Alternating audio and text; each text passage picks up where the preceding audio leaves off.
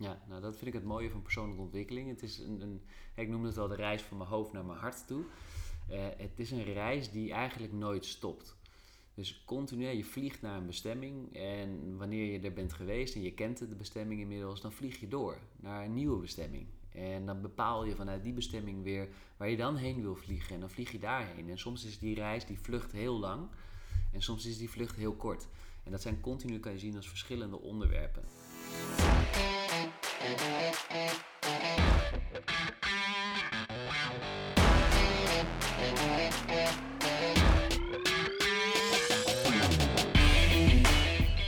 Welkom en super tof dat je luistert naar de Ontketen Jezelf podcast.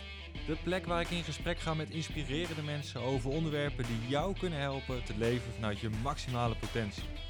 Ik ga op zoek naar antwoorden hoe jij je leven kan optimaliseren en ik laat mij leiden door de nieuwsgierigheid en de wil om te groeien als persoon. Als ortomoleculair therapeut, personal trainer en keuzecoach help ik dagelijks mensen om te investeren in zichzelf voor meer persoonlijke groei, gezondheid en succes. In deze podcast neem ik je mee op weg, zodat jij de keuze kan maken voor jouw leven. Ik gun jou dan ook jouw ultieme vrijheid.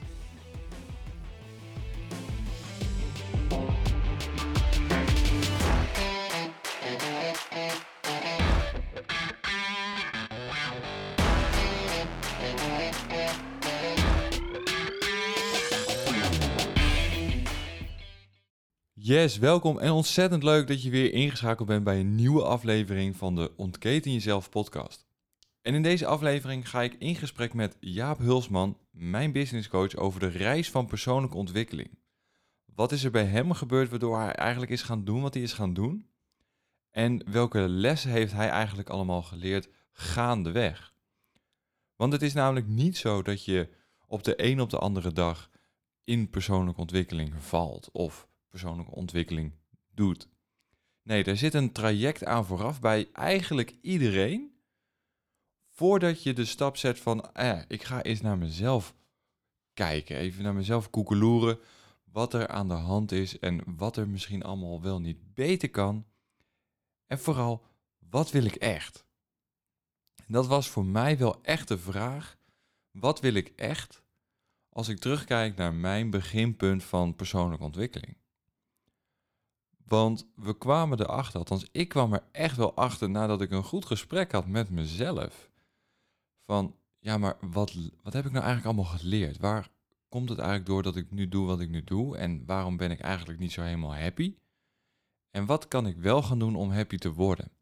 Nou, als je zo'n stevig gesprek met jezelf hebt en je bent eigenlijk volledig eerlijk en je luistert goed naar, naar wat je wilt, dan ontstaat er vanzelf een pad, een weg, een, een geitenpaadje die je op gaat lopen. En in het begin is dat lastig. Je weet niet waar je moet kiezen.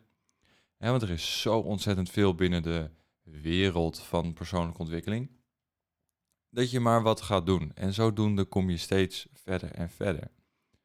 Dus in deze podcast gaan we het hebben over de weg naar persoonlijke ontwikkeling toe. En, wat er, en hoe lang deze weg ook duurt, hoe leuker die wordt.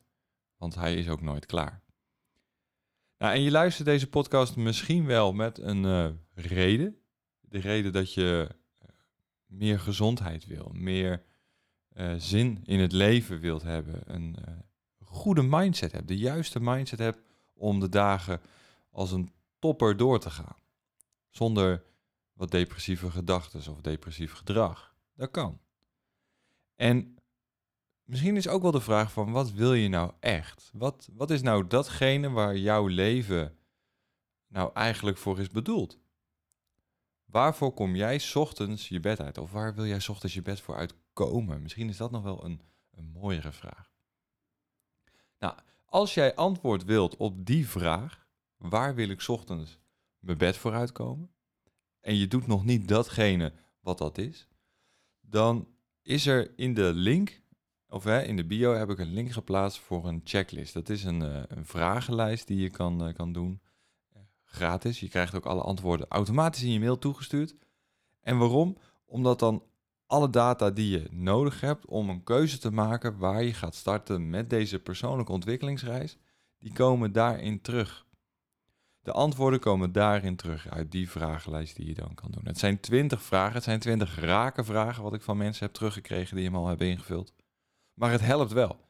Het zet je wel daar waar je graag wilt zijn, of het brengt je daar naartoe, in basis. Dus check ook zeker even die link in de bio naar de checklist. En uh, de checklist heet de man met een missie checklist. Dus uh, doe hem zeker. Uh, luister je en je bent een vrouw, kan je hem zeker doen. Um, verplaats dan even het woordje man naar vrouw en dan komt het helemaal goed. Ga nu lekker luisteren naar het gesprek wat ik heb gehad met Jaap over zijn reis, zijn persoonlijke reis en geniet ervan. En na deze aflevering heb ik nog iets heel tofs voor je. Superleuk dat je weer ingeschakeld bent bij een nieuwe aflevering van de Ontketen Jezelf podcast. En deze aflevering eh, neem ik uh, weer op in Amsterdam, net als de vorige. Alleen dit keer uh, ben ik uh, bij Jaap Hulsman. Hij is mijn, mijn business coach, onder andere, mentor. Um, ja, en ik vond het eigenlijk tijd om met hem in gesprek te gaan over het stukje man zijn, het stukje werk, energie, Ehm, wat je misschien wel of niet tegenhoudt om te gaan doen wat je daadwerkelijk uh, zou willen. Of er belemmeringen op zitten. En ik heb al een beetje het een en ander gehoord van ja, dat er, dat er een mooi verhaal achter schuil gaat. Dus ik dacht van nou weet je, het is tijd om het gewoon uh, nu te gaan, gaan doen. Dus ja, leuk. Dankjewel dat ik hier mag zijn bij jou thuis. Uiteraard. Um, ja, wij kennen elkaar nu ongeveer zeven maanden. Hè, loopt het traject nu. Um, ik ken je ondertussen redelijk goed, maar misschien zijn er mensen die jou nog niet kennen. Zou je jezelf even voor willen stellen? Zeker, ja. Uh, Jaap Hulsman, uh, inmiddels eigenaar van drie bedrijven.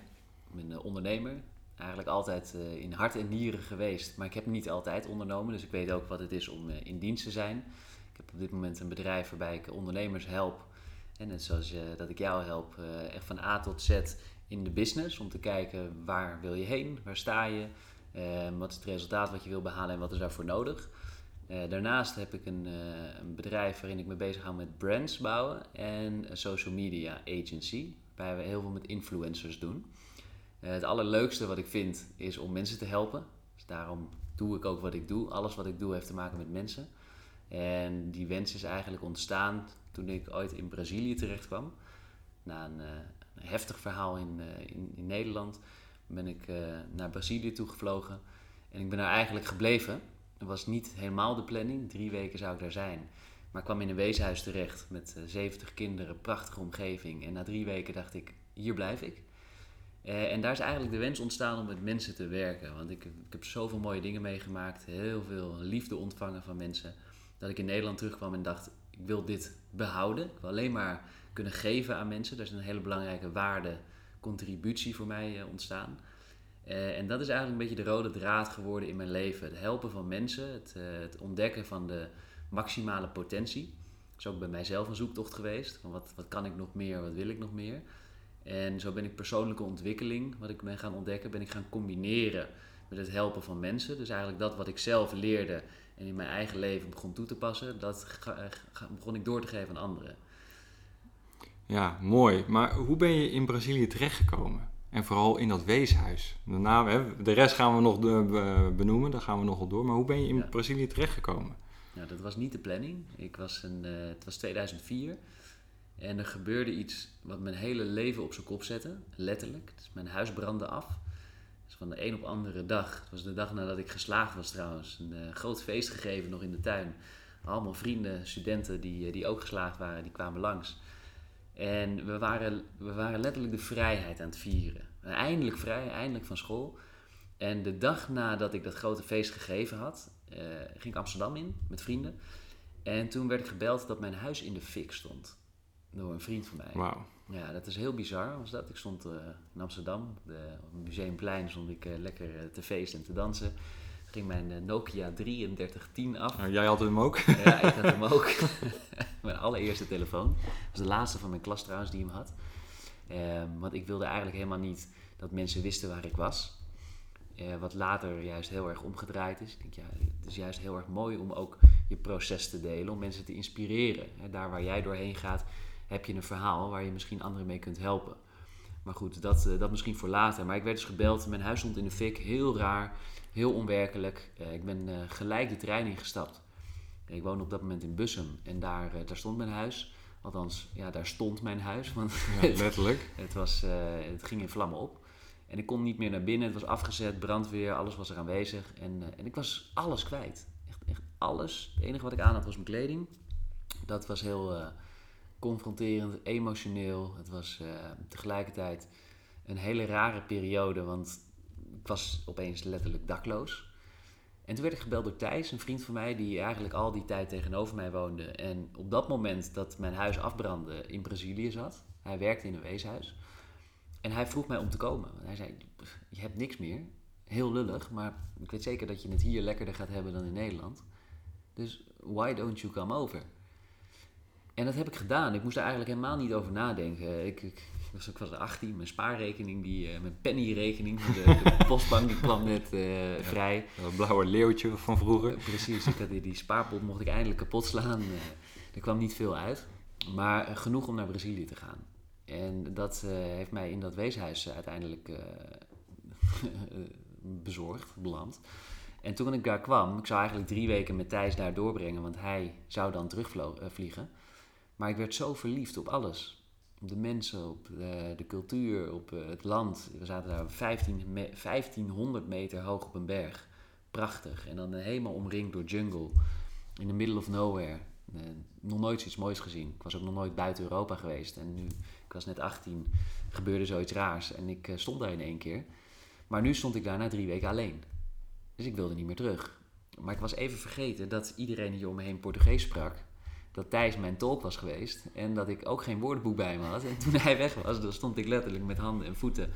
Eh, en eh, de gebaren die ik, eh, die ik had, daar kon ik me mee, redelijk mee uit de voeten komen. Maar na een paar weken begon dat zo te frustreren. Ik kon de hele taal niet. Het was heel raar dat ik met iedereen daar verbleef. 70 kinderen, 10 volwassenen ongeveer. En niemand sprak Engels. Een enkeling die een paar woorden sprak. Dat was heel bizar. En je hebt er dan hoe lang gezeten? Een, een be- een maand of? Nou, dus ik zat daar, in eerste instantie zou ik daar drie weken blijven. Thijs vloog terug na drie weken, toen ben ik gebleven. En toen heb ik daar eerst eh, drie maanden gezeten. Eh, ik ben niet terug naar Nederland gevlogen na drie maanden, maar wel één dag naar Argentinië. Want ik moest een stempel halen als ik langer wilde blijven. Dus dat heb ik gedaan. Dus ik ben naar Argentinië gevlogen, ik heb daar een stempel gekregen en toen ben ik weer drie maanden gebleven. Dus in totaal zes maanden. Toen kwam ik terug in Nederland en toen miste ik het zo enorm.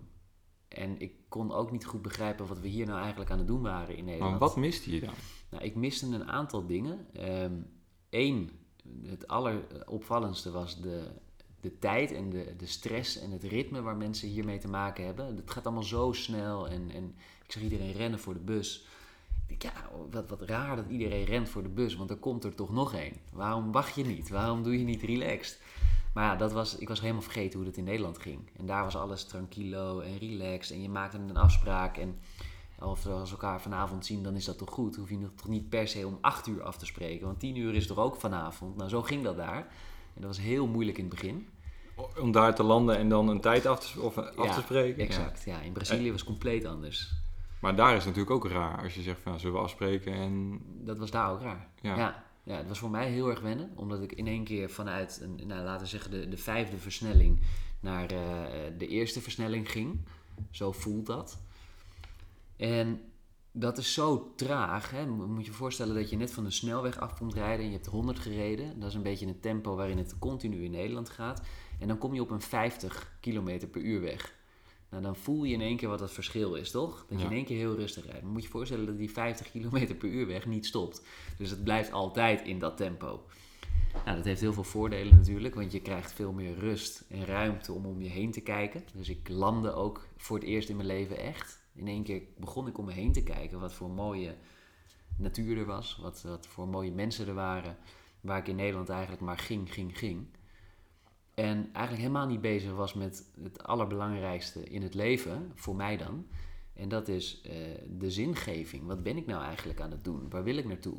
Want ik was gewoon het, het, het, boekje aan het volgen en de regels aan het volgen die ik eh, meegekregen had. Huisje, boompje, beestje, studeren en eh, verder leren. Maar dat voelde helemaal niet goed voor mij. Dus ik was klaar met mijn HAVO in Nederland en ik kwam terug na zes maanden Brazilië. En ik moest weer landen, maar dan in Nederland. En dat wilde ik eigenlijk niet meer. En hoe heb je dat voor elkaar gekregen? Want nu, jaren later, drie bedrijven, ehm, huisje, vrouw, ehm, nou, nog geen beestje. Ik zie hier geen dieren door huis lopen, nog geen kinderen. Maar hoe, hoe ben je geland hier? Ja. En wat heb je daarvoor moeten doen? Ja, goede vraag. Hè. Ik, ik, stel mezelf ook wel eens de vraag, ben ik ooit geland? Want ik ben ook behoorlijk gaan zweven daarna. Ben echt uh, heel erg mezelf gaan ontdekken, ook uh, spirituele pad opgegaan. Ontdek wat is er nog meer, waarom zijn er zoveel onderwerpen waar we met z'n allen zo weinig over weten.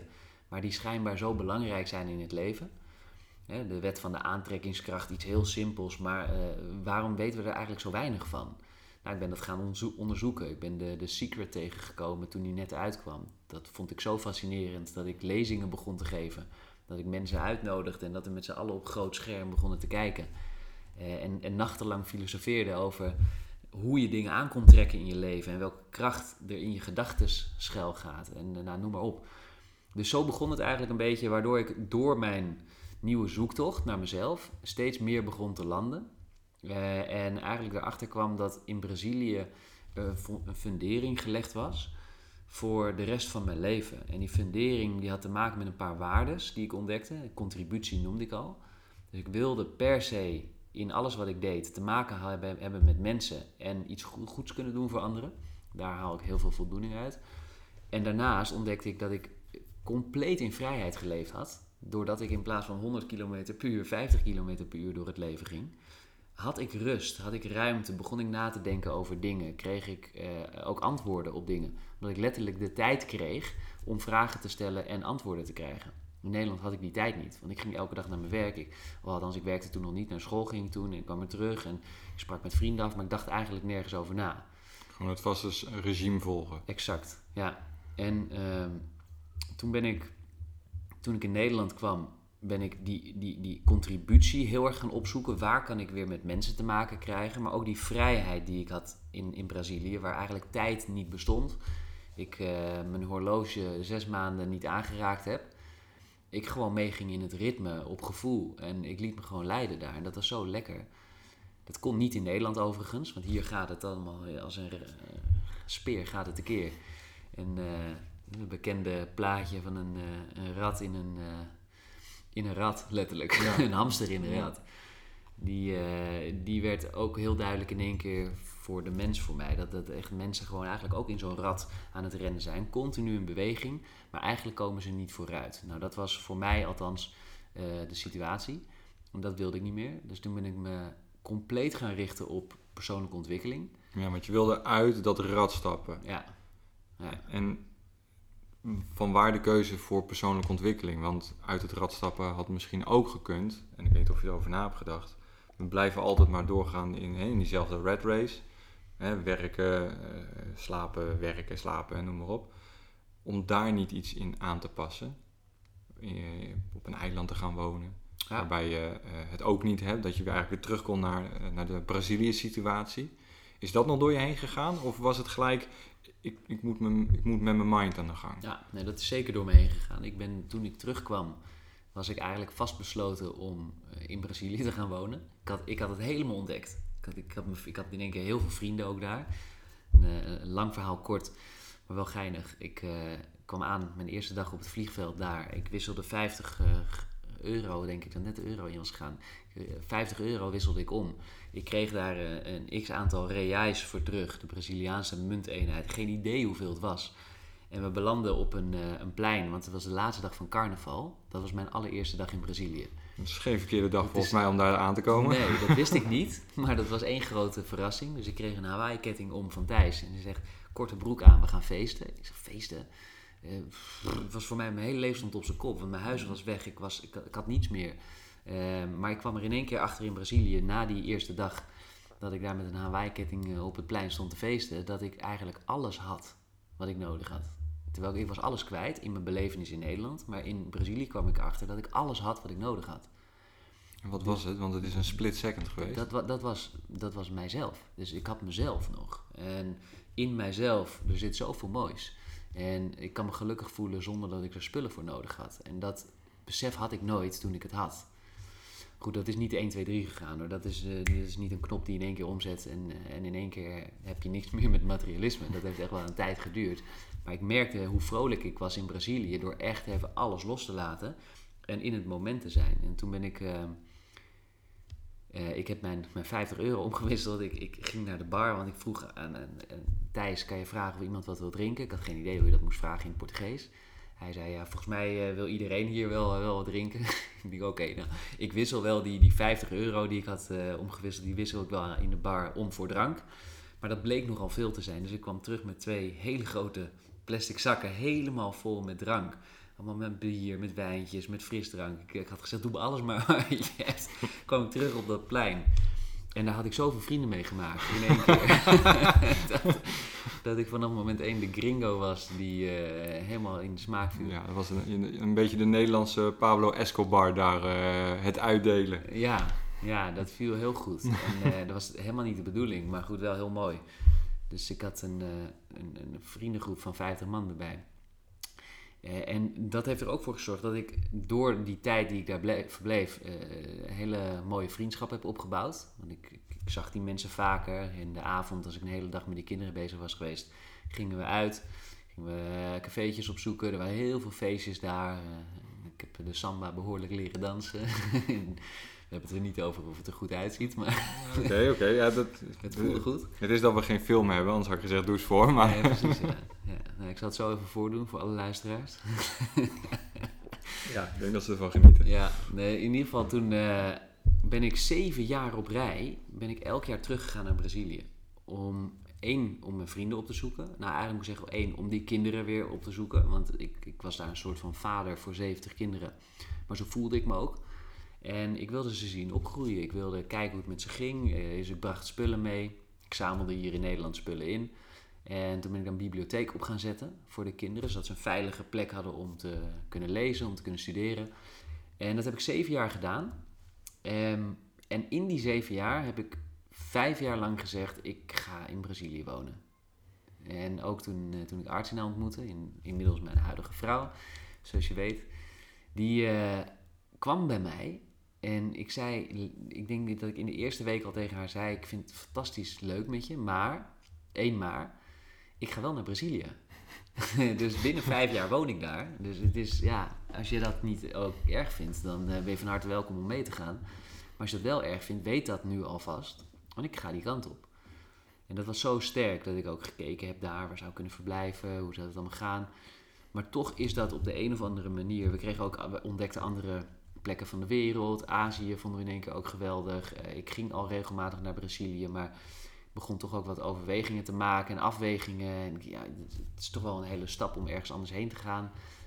Ik heb het eigenlijk ook wel heel erg lekker in Nederland, ondanks dat ik... Mijn huis was inmiddels opnieuw gebouwd. Ja. Ik woonde daar niet meer, want ik ben gelijk daarna uh, terug naar Amsterdam gegaan... met uh, Jeroen, mijn broer, samen gaan wonen midden op Leidseplein. Dat was ook een uh, gouden tijd. Geen verkeerde plek om in Amsterdam te zitten. Nee, dat was echt heel erg uh, mooi was dat. Uh, gouden tijd, ook met z'n tweeën. Een hele sterke band daardoor gecreëerd. Maar um, wel besloten om vanaf dat moment als, als thuisbasis Nederland te houden. alleen die vrijheid, die heeft mij gewoon echt de, elke kant van de wereld opgestuurd. Dus ik wilde buiten Brazilië nog zoveel meer zien. Dus ik ben heel veel gaan reizen.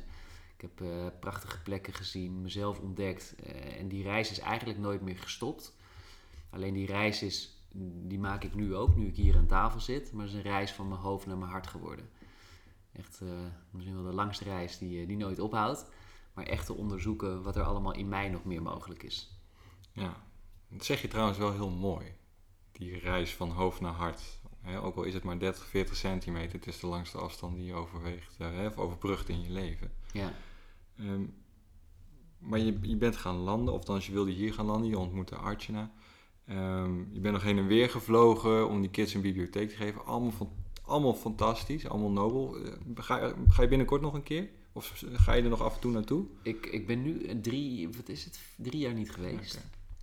Wordt wel vier jaar alweer niet geweest. Nee, het wordt wel tijd dat ik weer eens ga. Ja, het staat niet direct op de planning nu. Ik heb wel contact met mensen daar nog, maar er is zoveel wat ik, wat ik wil zien. Dat het, dat ja, de wereld is groot. Hè? Ja, de wereld is groot, gelukkig. En je kwam op dat pad van persoonlijke ontwikkeling. Ja. Wat was daar je eerste stap in?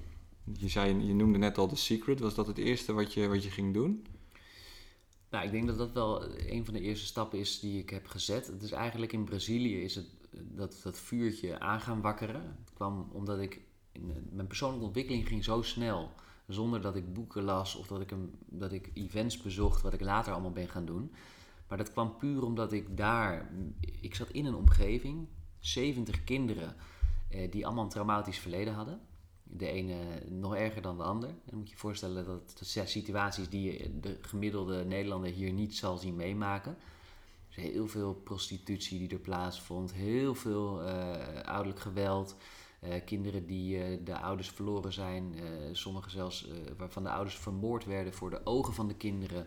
Ehm, dagelijks op, op pad gestuurd werden om te stelen en als ze geen, geen brood mee, mee namen, dat ze volledig in elkaar geslagen werden en eh, pas terug konden komen als ze dat wel hadden. Nou, allemaal situaties die ik helemaal niet kende. Dus ik was in plaats van dat ik een, een, een vrijwilliger was die daar een beetje met de jongens ging voetballen, was ik in één keer een psycholoog die 70 kinderen soort van aan het jong leren was met 70 ballen tegelijk. En overal uh, een bijdrage wilde leveren. Maar dat was zo heftig soms. Dat ik ook vanuit de beste bedoelingen. En, en gewoon midden in, in ruzies terecht kwam en stenen naar mijn hoofd kreeg van die kinderen. Omdat ze zo in hun trauma zaten dat al, al had ik alleen maar de beste bedoelingen, ik ook gezien werd vaak als een boosdoener. Dus dat is een proces geweest waar ik echt heel erg diep moest gaan graven om het vertrouwen te winnen van die kinderen. Maar dat vond ik zo tof om te zien dat dat mogelijk was. Dat ik, zonder dat ik eigenlijk de taal ook goed sprak, zo dichtbij kon komen en dat die kinderen naar me toe trokken dat ik wilde weten wat dat, wat dat was. Dat, op welke skills je daar nog meer voor zou kunnen ontwikkelen om echt een bijdrage te kunnen leveren. Als ik ook die taal zou leren spreken, als ik eh, met ze in gesprek kon gaan wat ze nou echt dwars zat, in plaats van alleen maar een, een goede energieuitwisseling. Want dat doet wonderen. Dat is absoluut waar. Maar het is nog, vond ik nog toffer om echt die diepte in te kunnen gaan. Ja. Dus zo ben ik dat gaan ontdekken. En hier in, hè, op een gegeven moment bleef je dus in Nederland, die keuze was gemaakt nog steeds in je achterhoofd van ik wil dat contributie uh, met mensen hebben. Ik wil kunnen geven, ik wil de diepte in kunnen duiken. Ik, je hebt nog een extra skillset nodig, wat je zei. Um, wat waren die skills die je nog nodig had? Die, ja. die, die eigenlijk jou een, een, je vrijheid geefde, die, die je eigenlijk zo, zo naar zocht. Ja, het is, een, het is echt een proces geweest. Dus het was niet heel duidelijk van ik heb dat nodig, dus ik ga dat doen. Ehm, het begon in Brazilië dat ik uit het niets, door die heftige situaties die ik meemaakte, dat ik in, in dat soort ruzies terecht kwam, in één keer uh, de bergen inging, alleen. Want we stonden al hoog op een berg, maar er was nog een stuk hoger op de berg. En dan had je een prachtige grote rots. En dan keek je uit over de hele vallei. En ik begon daar in één keer te mediteren. Ik had geen idee wat ik aan het doen was, maar ik, ik, Je ging gewoon zitten? Ik ging gewoon zitten. Ik keek de natuur in. Soms sloot ik mijn ogen. En op de een of andere manier leek het alsof ik een soort van informatie aan het downloaden was. Ik begon het leven gewoon veel beter te snappen. Ik weet niet hoe het werkte, ik weet niet wat er gebeurde. Maar ik, ik, ik, ik geef het het label meditatie. ik begon eh, voor mijn gevoel in één keer te mediteren. Dus in Nederland kwam ik erachter dat, dat daar inderdaad ook methodes voor zijn om in jezelf antwoorden te vinden. En dat kan je bewust doen. Zo ben ik het pad van eh, NLP opgegaan, neurolinguistisch programmeren, om echt de taal van je brein te leren snappen. En uh, te ontdekken wat daar nog meer door mogelijk is. Nou, ik ontdekte dat daardoor het analyseren van mijn eigen gedrag uh, mogelijk was, maar ook dat van anderen. Ja, hoe heftig vond je het om jezelf te leren analyseren op die manier? Want ik ben nu zelf ook bezig met de NLP practitioner en ik merk dat ik soms ook wel tegen een muurtje aan denk van, oh ja, dit, dit, dit was dat stukje. Ja. Heb jij hem ook gehad of zeg je van, nou, ik ging er eigenlijk nog een soort van relaxed doorheen? Nou, ik denk dat het, um, ik denk dat in alles wat ik gedaan heb, uh, aan de ene kant hoe tof ik het ook vond, dat er ook altijd een confrontatie in zat. En altijd een, een stuk in heeft gezeten waar ik mezelf ontdekte en denk van, shit man, dat heb ik ook zo gedaan. En dat was dat dan niet het positieve. herkenbaar, heel herkenbaar. En, uh, of, oh, dat doe ik ook zo. Uh, oh, dus dat kan ik zo oplossen. Dus er waren altijd wel kleine dingetjes uh, hier en daar. Ik had niet een gigantisch probleem. Maar ik ontdekte ook dat zo'n brand behoorlijk impact op je kan hebben. Later. Ja, logisch ook. Ja, je huis is in één keer weg. Ja, en, en, gewoon zo'n shock die dat met zich meebrengt. Er wordt letterlijk een trauma op dat moment geïnstalleerd. Althans, dat deed ik zelf. kwam ik later achter. Klinkt heel raar voor heel veel mensen misschien. Maar ik, ik creëerde dat trauma zelf. Het overkwam mij niet. Ik creëerde dat zelf. Ja, de gebeurtenis overkwam je. Ja. Het, het label trauma plakte je zelf. Ja, de manier waarop ik reageerde op, dat, op al die omstandigheden maakte dat ik een, er een trauma aan overhield. En dat gebeurde met meer dingen in mijn leven. Want ik was, eh, toen ik terugkwam in Nederland, dat heb ik nog niet verteld. Maar daar ging eigenlijk nog iets aan vooraf. Ik ben ehm, onderweg in het vliegtuig ontmoet ik een jongen. Die uh, daar had een hele toffe klik mee. En uh, na een, jaar of twee dat ik hem ontmoet had, toen had ik weer contact met hem. En toen vroeg hij mij, toen bood hij me eigenlijk aan om met hem de sales in te duiken. Hij had een, een, prachtig bedrijf waar hij werkte en vroeg mij om een dagje mee te lopen. Dat zag ik wel zitten. Ik ben met hem meegegaan. Ik belandde de direct sales in. Dus echt de deur aan deur, aanbellen bij mensen. Nou, dat, uh, ik wist daar niks vanaf toen nog. En ik kwam uh, van een, een, telefonische salesjob. Dus voor mij was het van binnen in één keer naar buiten complete vrijheid. Dus ik denk, yes, dit is het. Ik sta bij mensen voor de deur en ik kan lekker in gesprek gaan. Want dat wilde ik natuurlijk, met mensen bezig zijn. Ja. Niet wetende dat dat moment waarop ik startte een prachtige zomerdag was, maar er natuurlijk ook een winterdag aanbreekt. En dan is het koud, dan is het... Uh, Guur en nat. En, iedereen is zagrijnig en dan was het opeens wat minder leuk, maar ik was gestart. Dus ik ben daar uh, op een gegeven moment ook in doorgegroeid en dat ging vrij snel, waardoor ik sales manager werd en uiteindelijk besloot om mijn eigen toko neer te zetten. Marketing communicatiebureau opgezet en daar ben ik drie jaar, drieënhalf jaar mee uh, actief geweest. Alleen daar is iets heel ergs gebeurd. Dus dat een bedrijf wat heel winstgevend werd op een gegeven moment. En 30 eh, man had ik bij me werken. Uh, ik gaf leiding aan al die mensen. Ik trainde ze in de sales. Ik vond het fantastisch wat ik deed.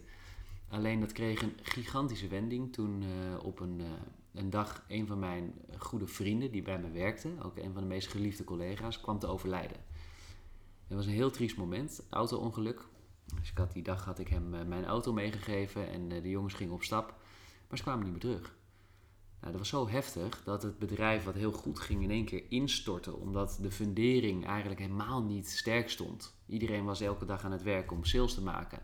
En zolang dat gebeurde, ging het goed. Verdiende iedereen veel geld. Want uh, ik was niet de enige die geld verdiende. Ik gaf ook heel veel terug aan iedereen.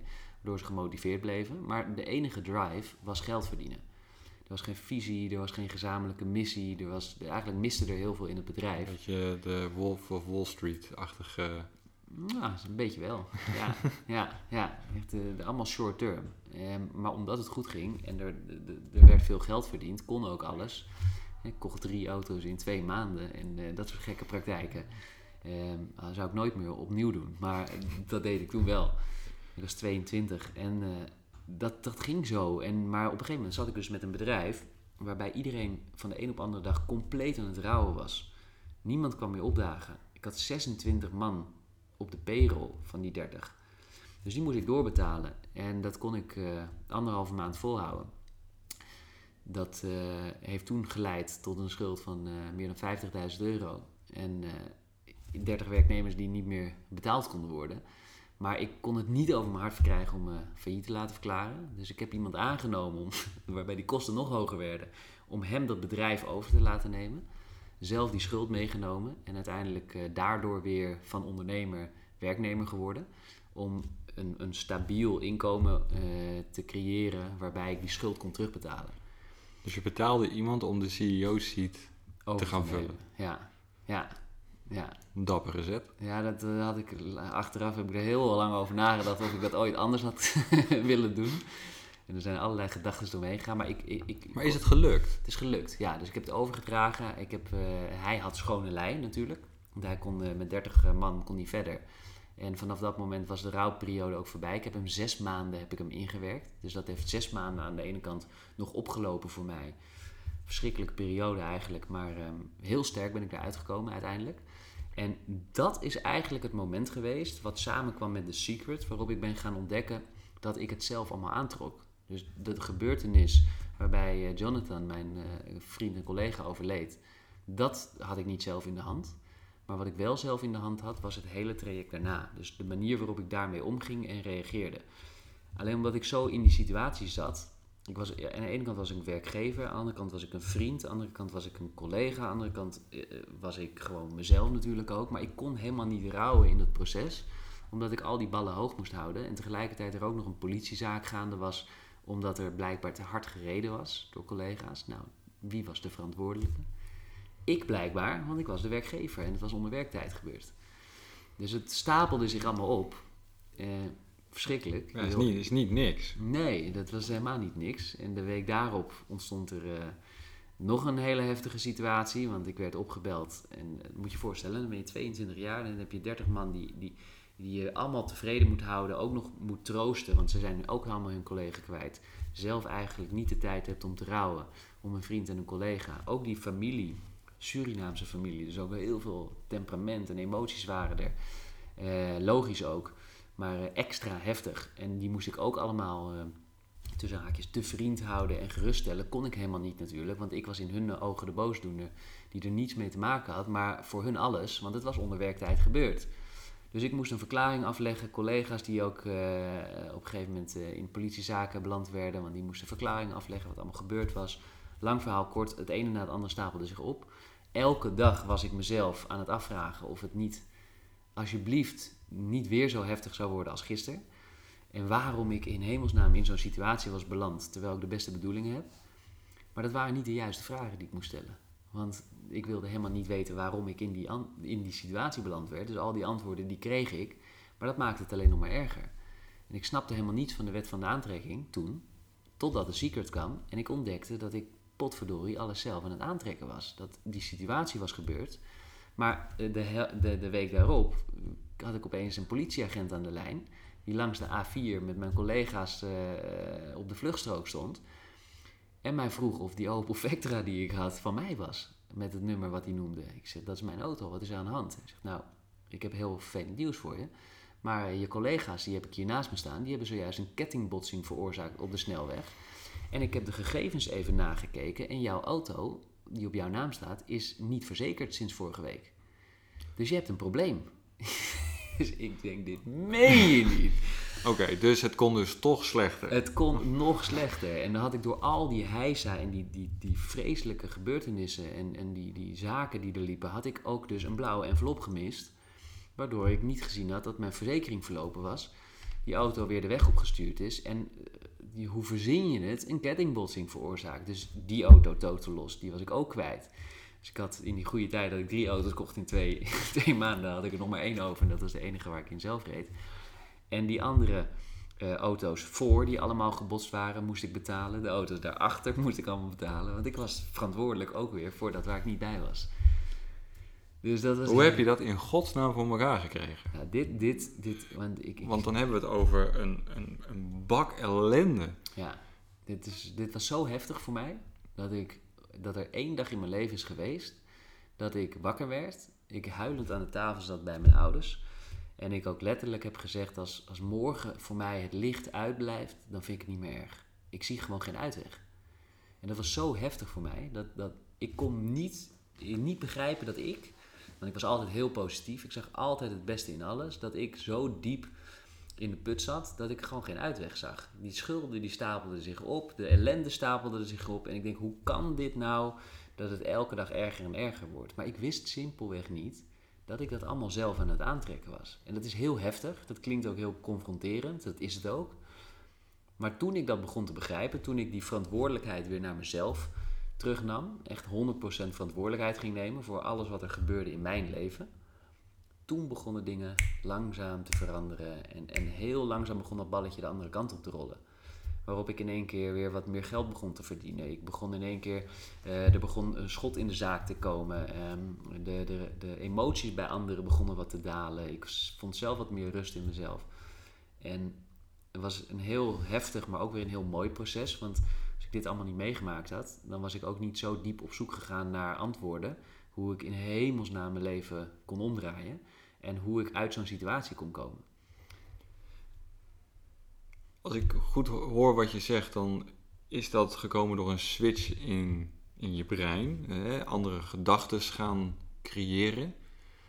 Um, hoe is dat? hè, want je zegt op een gegeven moment, ik, ik ben even aan het zoeken naar wat er allemaal gaande is. Want je hebt een bak ellende gehad, je zit aan tafel bij je ouders met letterlijk de handen in het haar van, nou ja, weet je, klaar is klaar dan maar. Ja. Ehm, waar haalde je de energie vandaan om te zeggen, ik, ga weer denken aan wat ik nodig heb? Ja. In plaats van vragen, waardoor komt het wat ik heb? Ja, nou, er, er- zijn een- dat, dat, ik geloof nooit dat er één eh, incident is wat alles verandert. Ik, ik geloof dat het, alles wat er gebeurt in je leven een opeenstapeling is eh, van eh, de reden waarom je nu staat waar je staat. Het is iedere keuze die je maakt is bepalend voor de kant die je opgaat. Dat is aan de ene kant heel erg mooi, want je bent één keuze verwijderd van je droomleven. Iedere keer weer. Alleen aan de andere kant is het ook als alles wat je tot nu toe bij, bij elkaar hebt gedaan in je leven het resultaat van waar je nu staat. En eh, ik, er, er, wa- er was iets in die periode. Ik las een boekje en dat heet Zen and the Art of Happiness. Nou, dat klinkt heel erg relaxed. ik denk Dat dat, klinkt, ja, dat klinkt leuk. Ja. dat heb ik nodig. Dus is dat ik, ik zag mezelf weer zitten op die steen in Brazilië. En, eh, maar de art of happiness, die kon ik wel gebruiken. Want wat, wat is dat dat je, dat je blijkbaar dus je geluk kunt creëren? Nou, dat boekje las ik in die periode. En dat boekje heb ik ook weer weggegooid. Want ik geloofde er, eh, ik geloofde er niet van. Wat stond erin? Er stond in, eh, samengevat in één zin... Alles wat je overkomt in je leven is het beste wat jou kan overkomen. Nou, dat was een best Ja, wel, die is- moet je echt even laten inzakken. Dus alles wat je overkomt in je leven is het beste wat jou kan overkomen. En dan, en moet je je voorstellen, ik las dat boekje in die periode. Ik was mijn vriend kwijt, mijn bedrijf kwijt, ik was alles kwijt. Zo'n beetje voor mijn gevoel eh, wat ik had. En dat moest het beste zijn wat me was overkomen. Nou, dat kon ik natuurlijk niet matchen. Dus ik gooide dat boekje weg. Maar zeven maanden later zo'n beetje trok ik dat boek weer tevoorschijn. De rust was toegekeerd. Ik was weer dat boekje aan het lezen en in één keer snapte ik wat er stond. Het was niet dat de gebeurtenis aan zich het beste is wat je overkomt, maar dat er in alles wat er gebeurt in jouw leven er zo'n wijze les verscholen kan zitten, die jou de hele koers van je leven kan veranderen. En zo zijn die incidenten die er bij mij zijn gebeurd, dus de, brand van mijn huis, de, het verlies van mijn bedrijf, het verlies van, eh, van Jonathan en zo zijn er nog wel andere dingen gebeurd, zijn allemaal dingen, incidenten geweest die ertoe hebben geleid dat er iets in mij werd aangeraakt, een, een, een, of een enorme pijn of een verlangen, waardoor ik daar echt naar op zoek ben gegaan. En, en op een gegeven moment ontstond er een, een soort van nou ja, een, desire, echt een burning desire om te ontdekken hoe ik mijn situatie kon omdraaien. Maar ook hoe ik anderen kon helpen toen ik er zelf uitkwam. Om uit de meest ellendige situaties te komen. Omdat het niet nodig is om erin te blijven zitten. Dat het echt een keuze is. En dat is een harde uitspraak die ik doe. Maar het is zo waar als het kan zijn. Dat het een keuze is in welke situatie je blijft. Niet in welke situatie je zit. Maar wel in welke situatie je blijft. Want er kunnen dingen overkomen, er kunnen dingen gebeuren, maar jij hebt uiteindelijk het stuur in handen. Totdat je het stuur aan iemand anders geeft. Zeg, ga jij maar sturen. Ik ga de plannen van een ander invullen. Dat was, was mooi niet mijn plan. Nee, de koers van, hè, van je leven bepaal je zelf. Het lot weer in eigen hand. Dat is hetgeen waar, eh, waar denk ik eh, zelf ook wel eh, eh, de kracht van het leven zit. Ja. Maar die keuzes. Best lastig op zo'n situatie. Best lastig misschien wel in zo'n situatie om dan keuzes te maken die misschien aanvrecht staan op het, op het stramien waar menigeen op dat moment in zit. Hoe ben je daarmee gaan dealen? Ja, maar ik was eigenlijk altijd wel een beetje een rebel. Dus daar waar iedereen linksaf ging, ging ik rechtsaf. Daar waar er wat gebeurde en de, de politie aan de deur stond, eh, werd er niet gedacht aan mijn broer of mijn zusje, maar eh, dat zal Jaap wel gedaan hebben. Eh, en dan was ik, ik weet je, ik, ik, ik, ik maakte het niet heel bond, maar ik was wel een, een, een enorme levensgenieter en een onderzoeker. Laat me me zo maar noemen. Dus ik wilde ontdekken wat er allemaal voor, Een positieve draai eraan geven. ja, je moet een beetje goed framen natuurlijk. Hè? Dus, dus ik onderzocht heel veel dingen. En dat pakte soms heel goed uit en soms wat minder goed eh, uit. Waardoor ik wel van alles wat ontdekte. Dus wat ik leuk vond, maar ook wat ik niet leuk vond. Wat ik wilde, wat ik niet wilde. Wat ik niet wilde was studeren. Daar kwam ik achter. Ik wilde heel veel leren, maar ik wilde niet studeren. Ik wilde heel gericht leren, onderwerpen die ik interessant vond. Oké, dus daar zit dan het verschil. Ja, dus ik heb eigenlijk Dus op... eh, studeren is vier, vijf jaar gewoon in de boeken duiken, HBO, Unie-studie. Dat is studeren. Dat is, eh, als je, dat is dat kan je studeren noemen. Als Maar je ook leren? letterlijk studeert natuurlijk. ja, mee, mee eens, mee eens. En, en leren? Eh, en, en leren is, is wat ik op een gegeven moment ontdekte, was dat ik niet 100% wist wat ik wilde. Dus ik werd eigenlijk vanuit de middelbare school al gedwongen om een kant op te gaan. Ik moest een vakkenpakket kiezen, dat kon ik niet. Want ik had geen idee. Ik had geen idee wat het inhield, dus hoe moet ik dat gaan kiezen? Maar ik werd gedwongen, dus ik koos maar economie en maatschappij. Het makkelijkste. Makkelijkste keuze, iedereen deed dat. Nou, dus eh, ik ging al mee in die kudde. En dat deed ik op heel veel vlakken. Dus ik ging mee daar waar de meeste mensen een sport uitkozen, ging ik die sport ook doen. Daar waar eh, de meeste mensen naar een feest gingen, ging ik ook maar naar dat feest. Want het zal wel leuk zijn als iedereen gaat. Nou, een beetje, ik was gewoon een schaap en iedereen aan het volgen. Totdat ik ontdekte dat ik heel veel momenten ook in mijn leven had. Dat ik, dat, dat ik helemaal niet meer zo naar mijn zin had als ik maar begon te volgen. Dus ik wilde eigenlijk gaan leiden. Ik wilde mijn eigen keuzes gaan maken. En dat begon doordat ik, ehm, na dat ik met de HAVO klaar was, dat ik op een gegeven moment ontdekte, ik heb wel een half jaar gestudeerd. Nou, ik heb anderhalf jaar gestudeerd trouwens. Ik heb een, een halfjaartje marketingstudie gedaan. Mee gestopt omdat het eh, voor mij iets te oppervlakkig was. Mhm. Ik zat met 28 vrouwen in de klas. Verschrikkelijk. Dat was de eerste drie weken heel erg leuk. En eh, daarna was het ook wel weer mooi. Ehm, dus toen ben ik eh, naar Brazilië gegaan. Toen heb ik nog, toen ik terugkwam, een jaartje de ALO gedaan, sportopleiding. Eh, ook weer een heftig verhaal. Ik woonde met iemand samen. Zijn vader eh, kreeg plotseling een hartaanval. En vanaf dat moment niet meer naar school gegaan. Volledig voor hem geweest. Dus ik, ik mocht ook niet door, want mijn punten die waren niet voldoende. Maar ik heb toen wel heel duidelijk besloten van... Weet je, ik, ik weet eigenlijk niet wat ik aan het doen ben nu met mijn studie. Ik kan wel weer iets gaan doen. Maar wat ga ik daar verder mee doen? Waarom ga ik nu vier, vijf jaar ergens aan spenderen... als ik eigenlijk niet weet wat ik ermee wil... En wat nou als ik nu kan gaan werken, direct al wat geld kan gaan verdienen en daar ga ontdekken wat ik leuk vind. En toen ben ik eigenlijk de sales ingerold. Ik, ik werkte al als bijbaantje in de horeca, dus ik was barman. Stond eh, te shaken achter de bar.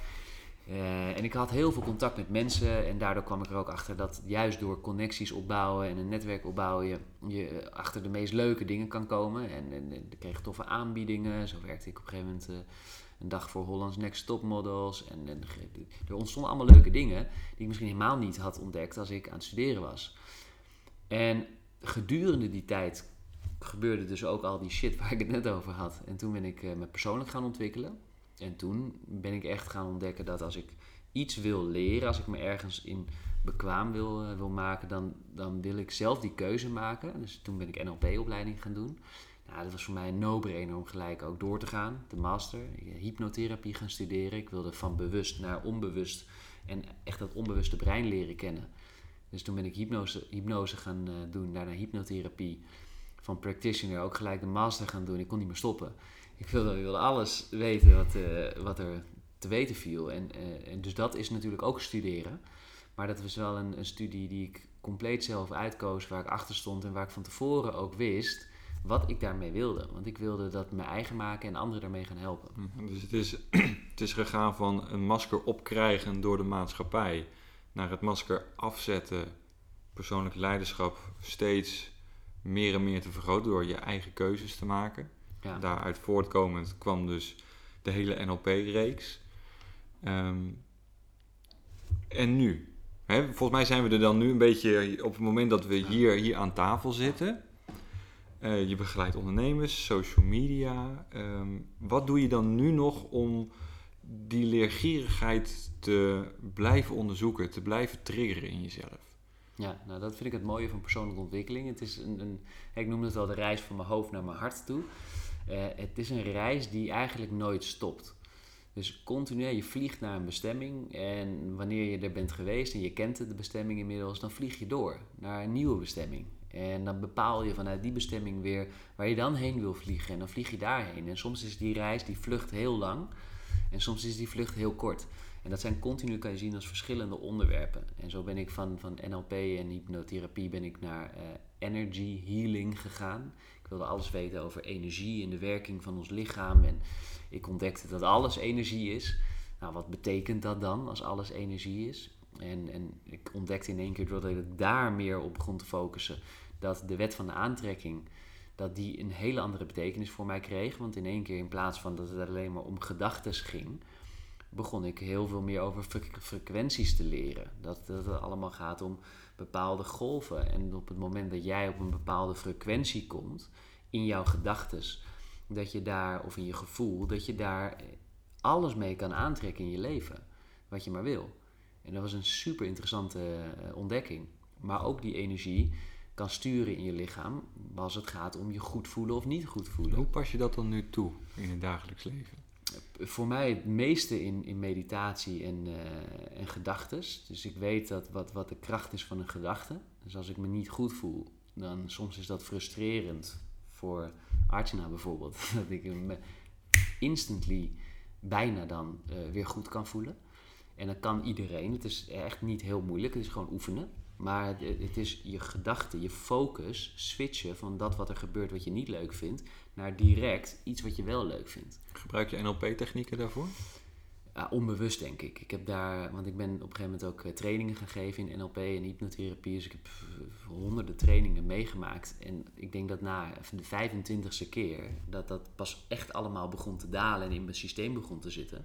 Dat ik het toen als een soort van automatisme ben gaan herkennen bij mensen. Zoals het gaat om communicatie, nou je weet er alles van eh, inmiddels. Uh, het herkennen van hoe, hoe, hoe, gedraagt iemand zich.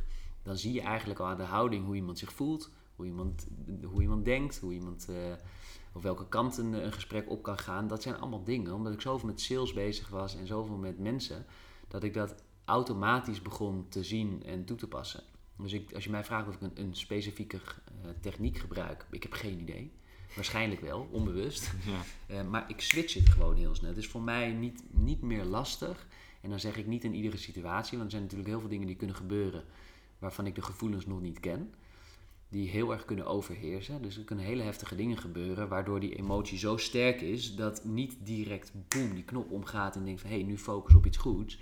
Maar dat ik blijf zitten in die emotie gedurende een bepaalde periode. Alleen dat is interessant als je weet dat die periode jezelf in de hand hebt. Op een gegeven moment kun je gewoon in elke situatie kun je zeggen tegen jezelf: oké, genoeg is genoeg. Nu is het klaar. Nu is het klaar. Nu is het klaar om, om echt even weer om te draaien en de andere kant op te gaan. Dus die ijzeren mindset waar nou, social media vaak vol mee staat, die moet je creëren, dan, dan overwin je alles. Daar zeg je eigenlijk ook van, ja, omarm het op dat moment. Pak het even mee, leer ervan, hè, want het is het beste wat je op dat moment kan overkomen. Ja. En daarna is het weer geleerd en terug naar het normaal, even tussen haakjes. Ja, er gebeuren gewoon dingen. Weet je, in jouw leven, in mijn leven, eh, eh, in jouw leven als luisteraar natuurlijk ook. Eh, continu, je hebt het niet in de hand wat er allemaal gebeurt. Je kan je leven redelijk sturing geven. The only way to predict the future is to create it. Dus je kunt als je een stappenplan maakt en doelen opstelt en een vision board creëert, dan kun je redelijk richting geven aan je leven. Maar tussentijds gebeuren er allemaal dingen die je niet hebt gepland. Dan is de vraag hoe ga je ermee om? En dat is echt niet makkelijk altijd. Maar hoe vaker je dat traint, hoe meer je bewust wordt van een emotie die je ervaart, hoe sneller je er iets aan kan gaan doen. En in het begin heb ik ook hulp gehad. Ik ben met heel veel mensen in gesprek gegaan daardoor. Ik had heel veel hypnotherapeuten om me heen, heel veel coaches om me heen. Ik ben continu gaan graven in mijn eigen gedachten en gevoelens en gaan onderzoeken wat is dit wat ik voel, wat kan ik hiermee, wat betekent dit, welke les kan ik trekken uit wat ik nu meemaak. En als ik dat niet gedaan had, dan, dan stond ik ook niet waar ik nu stond. En dan kon ik ook niet zo makkelijk zeggen, switch je gedachten. Want dat klinkt heel makkelijk, maar dat is niet makkelijk. Het wordt makkelijker. Ja, het, wordt, het, het wordt zeker makkelijker. Je hebt het over ehm, iets aanpassen, iets veranderen. Ehm, verandering doet altijd pijn omdat je hè, bewust wil blijven, of hè, je, je, je lijf, je, je, onderbewuste wil daar blijven waar het uh, zich prettig voelt. En dat is het vaste stramien wat het kent. Hoe vaak ben jij door patronen moeten gaan? Door, hè, hoe vaak ben je uit je comfortzone moeten stappen? Uh, want dat is hetgeen wat ik geregeld hoor. Ook hè, wat je leest ook op heel veel stukken van is altijd maar dat, dat, dat, die comfortzone die, die je over moet, of, of dat daar een muur staat waardoor het niet lukt. Hoe, wat was voor jou de, nou, de methodiek? Die is er niet, hè, want het is alles een, uh, alles een beetje. Maar wat heeft er voor jou voor gezorgd dat dat makkelijker werd om die comfortzone steeds weer een beetje te vergroten? Dat je nu denkt van, nou oké, het zal. Ja, nou, goede vraag. Ik ben, uh, kijk, ik geloof niet dat iedere verandering altijd pijn doet. Dus daar begint het eigenlijk. Um, en dat, uh, want het is een, een overtuiging natuurlijk. Hè? Iedere verandering doet altijd pijn. Dat hoeft helemaal niet. Want bij mij is verandering gekoppeld aan juist iets heel moois. Dus als ik kies voor verandering, dan kies ik voor die stretch in mijn comfortzone. Ik ben, om ook daar antwoord op te geven, ik ben dagelijks uit mijn comfortzone. Oh, nu nog steeds. Elke dag weer. Dus het is, geen dag dat ik uh, in mijn comfortzone de hele dag hang. Want ik vind het ook uh, nog steeds spannend om, um, om, om, zichtbaar te zijn. En nog steeds vind ik het spannend om, om nieuwe dingen te ontdekken. Dat blijft. Alleen in, in veel mindere mate. Maar ik koppel er een uitdaging aan. Ja, oké. Dus je hebt eigenlijk de, de pijn die iedereen benoemt, hè, uit je comfortzone stappen, doet een beetje zeer. Die heb jij gekoppeld aan tof, ik ga nieuwe dingen doen, zodat ik een beter mens wordt. Ja, bijvoorbeeld. Ja, er, was, uh, er hing een mooi, uh, een mooi bordje boven uh, de deur van het hypnosecentrum, het Hypnose Instituut Nederland, waar ik ook mede opgeleid ben. En daar stond op: falen bestaat niet, er is alleen uitgesteld succes. Nou, dat is een, is een mooie priming natuurlijk, om jezelf uh, te herprogrammeren. Uh, want ik ben opgegroeid met de gedachte dat falen zeker bestaat. Dat je ook heel veel verkeerd kan doen. Nou, dat heb ik echt om moeten draaien. Dat zat er ook niet zomaar in. Dus die patronen continu weer opnieuw, opnieuw, opnieuw, opnieuw, opnieuw, opnieuw. Totdat het erin zat dat eigenlijk falen iets heel moois is. Het is leren. Het zijn allemaal leermomenten. Het is heel cliché. Het staat op elk tegeltje. Je hoort het continu voorbij komen. Maar het is wel zo. En dat is ook antwoord op jouw vraag. Van, joh, uh, ja, ik heb zelf heel veel mijn comfortzone moeten verlaten. Maar doordat ik dit inzicht kreeg en doordat ik begon te begrijpen dat falen echt niet bestaat. Dat die perfectionisme die ik nog steeds heb hoor, in heel veel dingen. Want ik ben echt een enorme perfectionist geweest altijd. Ik wilde het start before you're ready principe. uh, it wasn't me. Dus het was eerder. Uh, had ik uh, al drie programma's perfect gemaakt, maar de eerste nog steeds niet gelanceerd. Nou, zo ging dat zo'n beetje. Um, dat is zo'n dikke vette bullshit. Maar ik leefde daarin. En het is, zo, het is zo'n virus, nog steeds. Ook in heel veel dingen die ik doe. Dat, ik weet het allemaal. Maar wanneer ik start, ik wil het gewoon goed hebben. Ik wil het mooi hebben. Maar ik heb gezien dat de keren wanneer ik het niet deed, dan ik wel lanceerde en wanneer ik wel naar buiten kwam met iets wat misschien nog niet eens bestond, dat dat de beste keren waren. Omdat ik gewoon vertrouwde op het universum, op het feit dat het wel goed kwam. En dan kwam het goed. En als ik het te perfect wilde hebben, dat er een energie in zat waarbij ik niet die vonk over liet slaan bij mensen. En dat is interessant, want je hebt je, de enige, we denken altijd dat iedereen bezig is met ons, hè, met jou. Dus ik dacht dat ook altijd, iedereen is bezig met wat ik doe en elke post die ik maak, uh, die ik maak, iedereen die, die, die, let op elk woord wat ik schrijf. Die zit erop te wachten. Ja, precies. Ja. Of, of ik heb het, al drie dagen niks gepost, uh, wat zou ze wel niet denken? Niemand is bezig met mij. Weet je, totdat het er staat, dan, dan zullen er mensen zien. Op een gegeven moment dan bouw je misschien wat meer volgers op en dan gaan meer mensen het zien dat, natuurlijk is het een sneeuwbal. Hè, consistentie is key als je zichtbaar wil worden. Het is belangrijk dat je onder de aandacht blijft komen. En op een gegeven moment vindt er een switch plaats en dan beginnen mensen er wel op te wachten. Maar dan ben je waarschijnlijk ook al lang over die pure perfectionisme heen. Want ja, perfectie bestaat niet. Het wordt nooit perfect. Je zei net iets interessants. Ik, je bent opgegroeid uh, met, het, met het feit dat, dat falen wel degelijk bestond. Um, waar komt dat vandaan? Wie, om, hè, van wie van jouw ouders uh, was er zo stellig in die, die uitspraak? Wie, wie volgt, welke van jouw ouders volgde jou in jouw zakelijke pad? Nou, geen van beiden. ik heb een, uh, mijn vader is uh, muzikant geweest zijn hele leven, inmiddels met pensioen. Mijn moeder is, is wel onderneemster geweest. Komt ook wel uit een redelijk ondernemende familie. Maar eh, nee, echt eh, volgen in mijn ondernemerspad niemand. Ik heb ook geen nauwelijks adviezen daarin gekregen. Nee, maar het stukje falen bestaan, die, die heb je meegekregen van... Uh... Ja, niet specifiek van één van beiden. Ehm, maar gewoon het principe, dat heb ik meegekregen. En ik denk dat ik heb heel veel verschillende sporten gedaan. Ik heb ook op hoog niveau gesport. Nou, daar, zit, er wordt zo'n druk gelegd op alles wat je moet. Dat het continu gaat om presteren. Dat, het, dat falen wel degelijk bestaat. Hè? Dus één verkeerde bal slaan. Ik, ik heb in een, jong oranje gezeten bij, uh, bij hockey. Ik heb uh, voor de bond getennist. Nou, als je daar een verkeerde bal slaat, dan uh, begin je heel... Dan krijg je hem. Dan krijg je hem. En dan, dan, is, dan betekent het gewoon, als je dat twee keer doet... dat je of op de bank zit of niet meer speelt. Of dat je niet gekozen wordt. Dus het was continu presteren, presteren, presteren. Uh, dus ik heb zelf daar een enorm groot aandeel in. In dat ik dat mezelf heb aangeleerd. Van joh, falen bestaat zeker. Ik moet presteren. Ik moet, moet daar gewoon continu topniveau blijven spelen. Uh, toen ben ik de vechtsporten ingegaan. Uh, toen eerst heel lang taekwondo gedaan. Dat is een, ook een Oosterse vechtsport. En daarbij toernooien gevochten. Begon ik steeds meer de balans tussen lichaam en geest te ontdekken. Daar ontdekte ik dat eigenlijk falen ja, veel minder bestond daar. Het kon alleen beter. Dat was de mentaliteit ook die we meekregen. Dus het is nooit verkeerd, maar het kan altijd beter.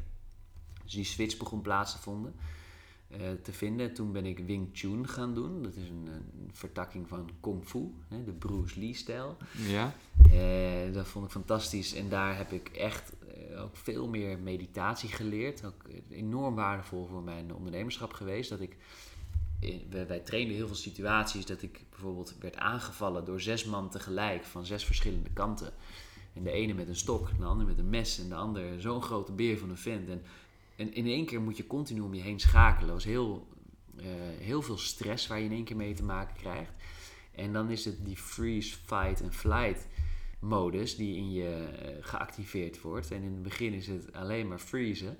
Want je hebt geen idee waar moet je kijken, wat moet je doen. Op een gegeven moment is het gewoon, uh, is het flight, want dan wil je vluchten. En ik, was het ook letterlijk dansen tussen de mensen die je aanvielen door om te kijken dat je niet geraakt werd. En op een gegeven moment was het de rust vinden in jezelf en iemand viel je aan.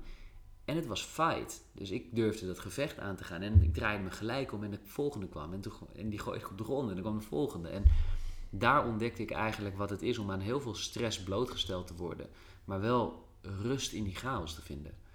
En dat is een, eh, een, eigenlijk een hele mooie leerschool ook weer. Dat die, die, die vechtsporten me heel veel geleerd hebben, veel vertrouwen gegeven hebben. Ik denk dat daar dat eigenlijk het omslagpunt heeft plaatsgevonden dat dat falen niet bestaat. Dat het altijd beter kan en mooier kan. Maar perfectionisme heeft ook een hele andere lading gekregen. Want ik ontdekte, en dat is wel geinig, dat als je letterlijk kijkt naar wat perfectionisme betekent, hè, iets perfectioneren. Wanneer kun je iets perfectioneren? Als het er is, toch? Dan pas kun je het gaan perfectioneren. Dus je moet eerst iets lanceren en dan ga je het perfectioneren. Kan je bijsturen. Precies. Dus het is eigenlijk heel raar dat perfectionisme een één grote illusie is. Want het, het weerhoudt heel veel mensen van starten en het ondernemen van stappen. Terwijl eh, omdat ze bang zijn dat het niet goed genoeg is in het begin. Maar het moet niet goed genoeg zijn in het begin. Het moet. Voordat je het kan gaan perfectioneren. En dat is wel een interessante ontdekking geweest. Dus, dus nu zit je wel met Start Before You're Ready. Absoluut. Ja? Ja, ja. Je laatste project. Ja. Daar wil ik nog even kort over hebben voordat ik naar mijn allerlaatste vraag ga, die iedereen uh, om zijn oren krijgt. Maar je laatste project, ja. die sluit hier eigenlijk haarfijn op aan. De Mindset Academy. Mm Ja, mijn pareltje. Ja. Wat. Uh, nou, ik, ik kan denk ik ondertussen de puzzelstukjes wel aan elkaar koppelen dat daar het, het, het plaatje ontstaat wat de Mindset Academy is geworden. Ja. Um, wat is je pareltje? Wat, wat, wat, wat, wil je ermee gaan doen? Ja, ja er, gaan, er zijn heel veel mooie dingen gaande nu. Uh, onlangs begonnen met uh, de Mindset Academy. Mocht je dat nog niet gezien hebben, of je afvragen wat is dat? Het is een, een academy, een online leeromgeving, waar ehm, wekelijks op dit moment nieuwe videocontent bij komt over allerlei verschillende onderwerpen die met persoonlijke ontwikkeling te maken hebben. Ehm, het is ontstaan vanuit de, de wens eigenlijk om het schoolsysteem te veranderen. En dat is een onbegonnen wedstrijd eh, voor mij eh, geweest.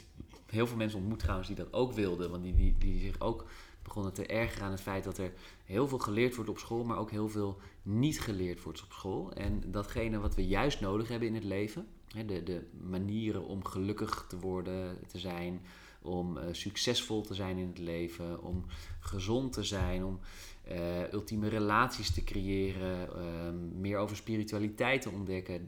Die essentiële onderwerpen, die leren we niet. Althans, niet op mijn school.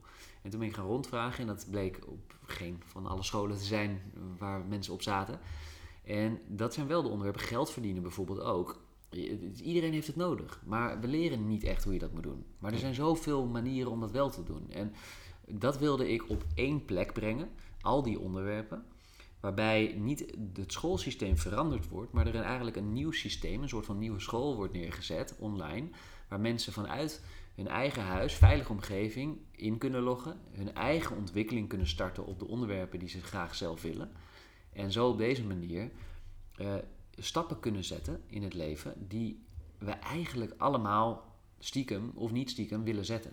We willen allemaal gelukkiger zijn in het leven. We willen allemaal vrijheid ervaren. We willen allemaal onafhankelijkheid ervaren. Toch? Ja, zeker. Ja, dus, absoluut. Ja, maar waarom leren we dat dan niet? Als dat iets is wat we allemaal willen. Waarom gaan we wel allemaal... Uh, ik zeg niet dat het niet belangrijk is, maar waarom leren we aardrijkskunde, maatschappijleer, geschiedenis, uh, terwijl dat niet iets is wat iedereen wil. Maar wat iedereen wel wil, leren we niet. Nou, zo is de Mindset Academy ontstaan. Maandelijks doen we ook live meditaties om iedereen bij elkaar te brengen in een, een hele fijne, toffe energie. En, en live coaching, zodat je ook jouw eigen proces met een, een expert kunt delen. Dat wat voor heel veel mensen misschien niet direct toegankelijk is of financieel haalbaar, kan nu wel.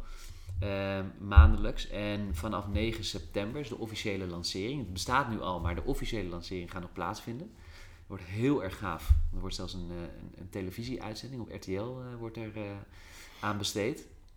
Um, met een livestream. En daarbij gaan we de roadmap gaan we lanceren. Dus dat wordt de Mindset Academy in, in vier trajecten. Dat is of drie maanden, zes maanden, negen maanden of twaalf maanden. Waarbij je door een heel proces heen gaat en in een jaar dus langs al deze onderwerpen gaat. Dus je gaat leren wie je zelf bent, waar je heen wil in het leven hoe je je overtuigingen kunt uh, ontdekken, belemmerende overtuigingen kunt elimineren, hoe je je doelen kunt realiseren, hoe je beste relaties kunt aangaan, hoe, je spiritualiteit kunt gaan omarmen, kan gaan ontdekken, kan gaan toepassen in je leven, hoe je geld kan gaan verdienen, um, de, de, de spirituele wetten die er bestaan, universele wetten. Het komt allemaal aan bod, afhankelijk van natuurlijk het traject wat je, wat je kiest.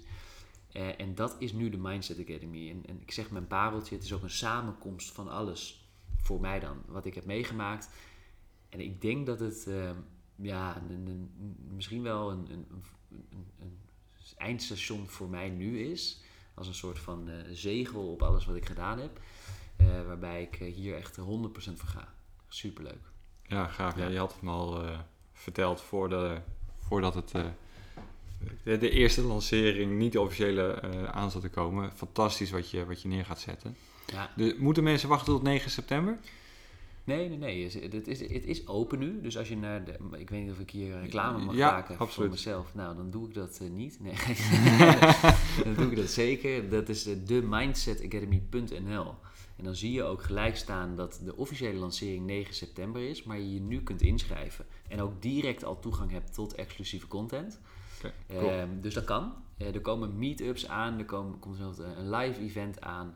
Er wordt echt alles op alles gezet om gewoon iedereen die mogelijkheid te geven om lekker te kunnen groeien. Zo'n online community waarbij mensen elkaar kunnen ondersteunen, vragen kunnen stellen aan elkaar, je, je gelijkgestemde, positieve mensen kan ontmoeten. Dus dat wordt echt uh, iets heel groots. En ik denk dat het nodig is. Dat de, de tijd waar we leven, dat iedereen het verdient om gewoon een springplank in zijn leven te hebben naar het geluk wat hij zoekt. Nou, dan hoef ik eigenlijk mijn laatste vraag niet te stellen, want ik denk dat je hem nu al hebt beantwoord. Oh, ja. um, de podcast heet de Ontketen Jezelf podcast. Um, en de vraag die ik aan iedereen stel is, wat betekent dat voor jou? Ja. Ontketen jezelf. Ja, mooi hè. Ja, nou, ik zie nu één ding voor me en dat is de roadmap waar ik het net over had. Eh, dat zijn ook allemaal stationnetjes waar je langskomt. En tussen die stationen door staat een slotje. En je kan dat slot openen, maar op één manier. En dat is ook de quote van de Mindset Academy. Dat is namelijk de sleutel tot een mooier leven. Dat ben jij. Eh, en dat is voor mij het ontketenen van jezelf. Is ook op zoek gaan naar wat je wil leren, waar je in wil groeien in het leven. Die onderwerpen bestuderen. En wanneer je daar master in wordt, dan ben je jezelf aan het ontketenen. Uh, en ik denk dat dat een, een veelomvattend antwoord is, maar wat ook tegelijkertijd antwoord geeft op um, ja, een hele hoop situaties waar mensen in vastzitten. Want als je aan ontketenen denkt, hè, dan kan je ook denken aan het letterlijk vastzitten, die kettingen om je armen. Hè, ik zie, zie het kitty kotty, het, uh, het beeld wat uh, de kettingen doorbreekt, zie ik voor me. Um, want je kan overal uitkomen. Ik zei het al eerder, ook in, in deze opname. Ik vind het zo'n belangrijke boodschap. Ik heb het zelf niet altijd geloofd. Dus ik kan me ook voorstellen dat er een hoop mensen zijn die in een situatie zitten nu en niet geloven dat ze daar zo 1, 2, 3 uit kunnen komen. Of niet geloven dat ze uh, hun ge gedrag of hun gevoel zo instantly kunnen switchen. En dat snap ik.